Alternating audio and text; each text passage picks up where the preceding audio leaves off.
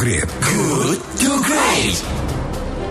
107,1 Kelight FM Bandung's Inspiring Sound. Sahabat Kelight Anda masih bersama kami di Good to Great because good is the enemy of great. Dan kini saatnya saya mengajak Anda untuk mengikuti diskusi yang pagi ini kita akan membahas topik atau tema menuju Indonesia Maju 2045. Apa saja yang mesti disiapkan? Bagaimana pula mengatasi berbagai tantangan dan penghalangnya?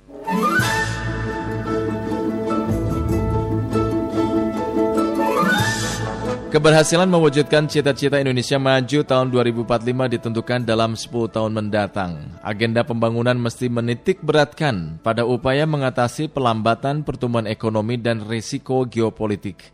Hal itu mengemuka dalam diskusi panel yang digelar harian Kompas bertema Menuju Indonesia Maju 2045.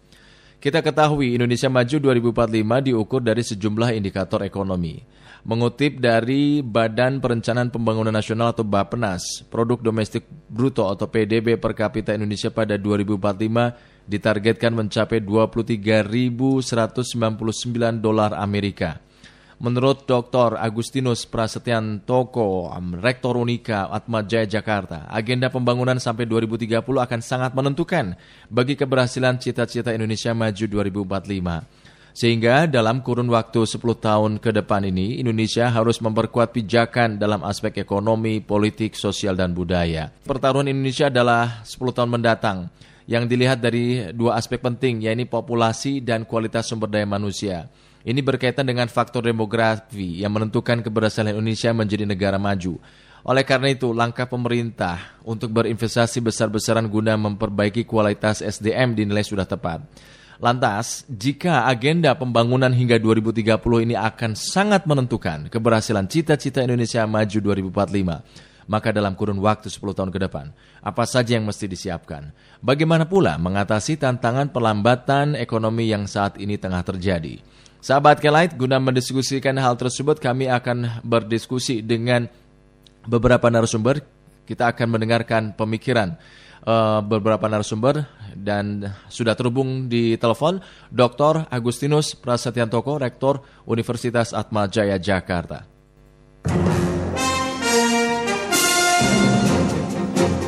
Selamat pagi Pak Agustinus. Selamat pagi Mas. Bagaimana kabar Anda Pak? Baik, gimana Mas? Pak Agustinus, Indonesia saat ini tengah meniti jalan menuju Indonesia Emas 2045. Nah, tema ini juga diulas ya dalam diskusi panel yang digelar harian Kompas dengan ya. tema menuju Indonesia Maju 2045. Nah, hal-hal penting dan gagasan apa saja yang Anda kemukakan dalam menuju Indonesia Maju 2045, Pak? Pertama begini, kalau kita ingin menjadi negara maju di 2045 itu faktor yang paling menentukan itu apa? Yeah. Iya. E, dari banyak studi itu menunjukkan bahwa memang faktor population itu menjadi kunci. Jadi artinya memang kemampuan kita untuk mengelola e, population itu menjadi sangat menentukan. Nah, dilihat dari variabel itu, maka yang disebut sebagai puncak bonus demografi itu adanya di 10 tahun ke depan ini, sehingga hmm Eh, uh, 10 tahun ke depan ini adalah saat yang paling menentukan apakah kita bisa memiliki fondasi untuk menjadi Indonesia maju di 2045 gitu. Hmm, oke. Okay. Kenapa 10 tahun ke depan ya Pak Pras? Ya karena puncak dari bonus demografi itu di 10 tahun ke depan. Hmm, Jadi itu. setelah itu nanti akan population growth akan menurun kalau kita dalam 10 tahun ini tidak berhasil meningkatkan secara signifikan eh, fondasi-fondasi uh, di di bidang SDM itu hmm. kita akan kehilangan momentum gitu. Hmm. Lalu apa saja nih yang uh, sangat menentukan di 10 tahun ke depan yang harus dilakukan, Pak Pras? Nah, itu variabel yang paling penting sebetulnya soal uh, kualitas SDM itu dan saya kira pemerintah sudah me menentukan arah bahwa lima tahun ke depan ini paling tidak kita akan fokus pada SDM. Nah itu nanti dilanjutkan uh, pada periode uh, berikutnya siapa pun yang menjadi presiden. Hmm. Tetapi di luar persoalan population itu, kualitas SDM itu sebetulnya kita juga menghadapi situasi yang tidak mudah, di mana situasi uh, dunia itu sedang berubah, baik dari sisi ekonomi maupun secara politik. Nah itu tantangan penting kalau kita mau belajar dari situasi terkini ini sebetulnya ada tiga aspek yang saya kira penting untuk diperhatikan. Satu itu kita harus menghindarkan diri dari pola perlambatan global yang memang sedang terjadi di mana-mana. Jadi seberapa kita mampu untuk keluar dari siklus perlambatan itu. Hmm. Yang kedua kalau kita lihat uh, perlambatan global itu sebenarnya akarnya dari politik, sosial politik ya. Hmm. Jadi macam-macam soal apa namanya pandangan yang lebih mementingkan diri sendiri dan sebagainya.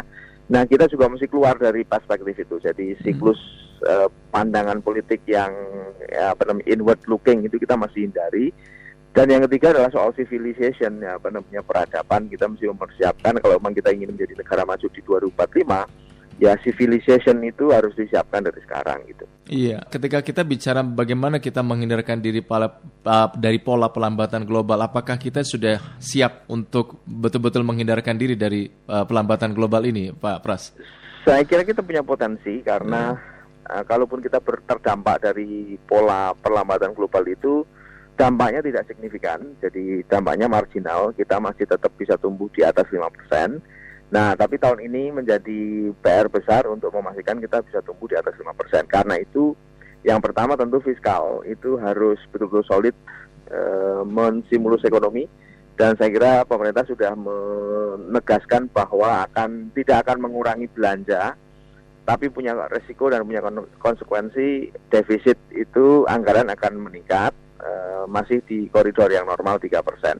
Nah itu saya kira satu modal penting bahwa kita masih punya uh, apa namanya ruang fiskal yang cukup untuk kita menstimulus ekonomi agar ekonomi masih tumbuh di atas 5%. Itu yang pertama. Hmm. Yang kedua sebenarnya eh, dari sektor industri dan investasi itu ya kuncinya menambah portfolio investasi baik domestik maupun asing tetapi uh, dalam skala besar tentu saja diharapkan dari asing dan karena itu pemerintah menyiapkan yang disebut sebagai omnibus law itu saya kira salah satu uh, tugasnya tujuannya adalah menarik investasi lebih banyak sehingga ada dinamika ekonomi yang lebih baik di dalam negeri ini gitu. Hmm, yang tidak kalah menarik juga tadi Anda katakan civilization peradaban itu.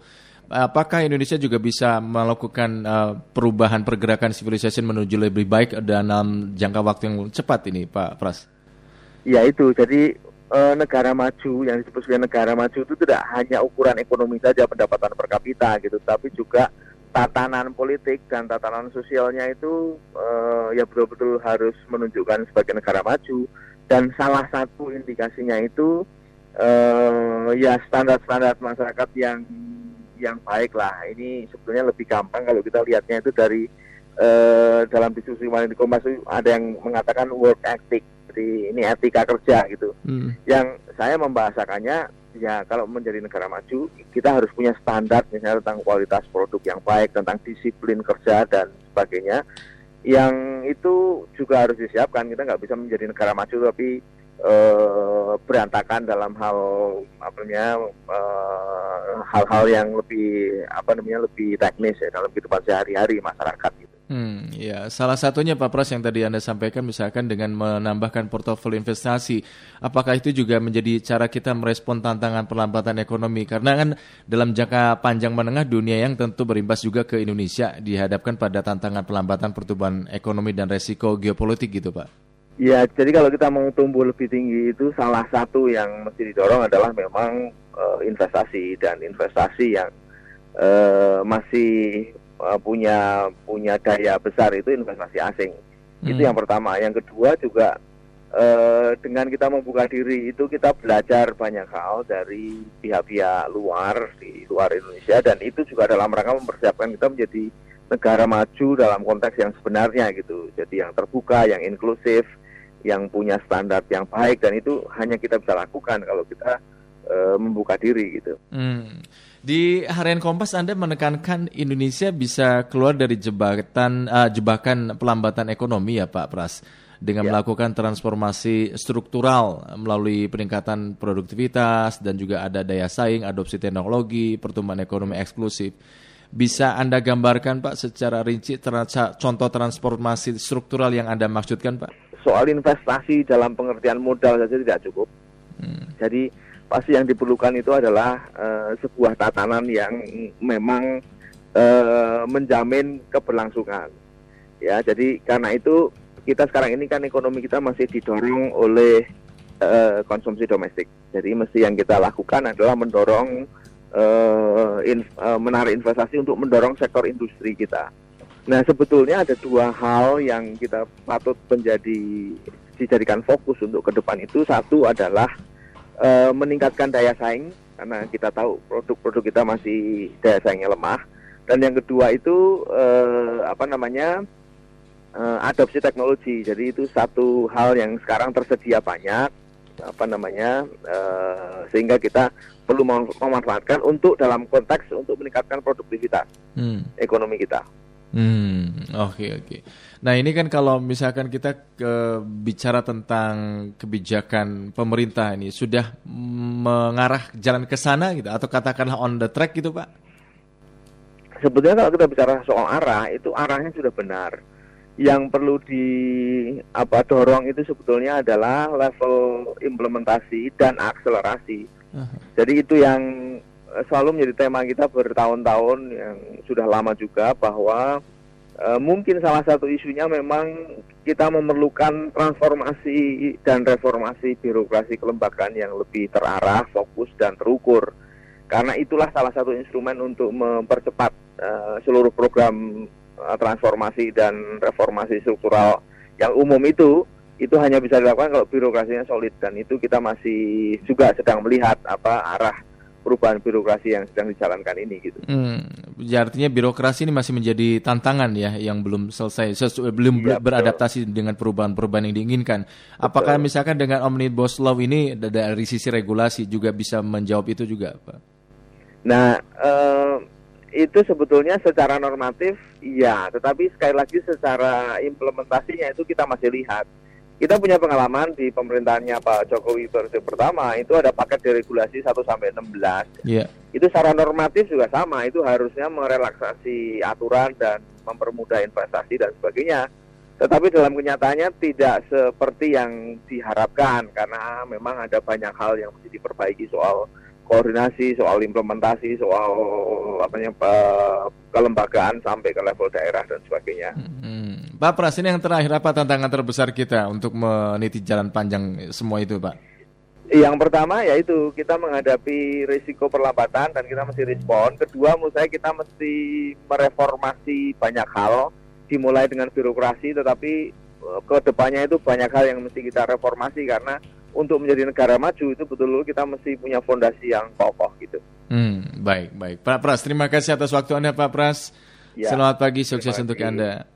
Ya, ya, demikian sahabat Clyde, uh, Dr. Agustinus Prasetyantoko, beliau adalah Rektor Universitas Atma Jaya Jakarta. Jadi ada faktor yang menentukan ketika kita bicara bagaimana ya ini bisa menuju Indonesia Maju 2045. Populasi ini menjadi kunci, artinya kemampuan mengelola populasi menjadi sangat menentukan belum dan adanya di beberapa hal yang harus dilakukan beradaptasi dengan situasi dunia yang sedang berubah secara ekonomi dan politik.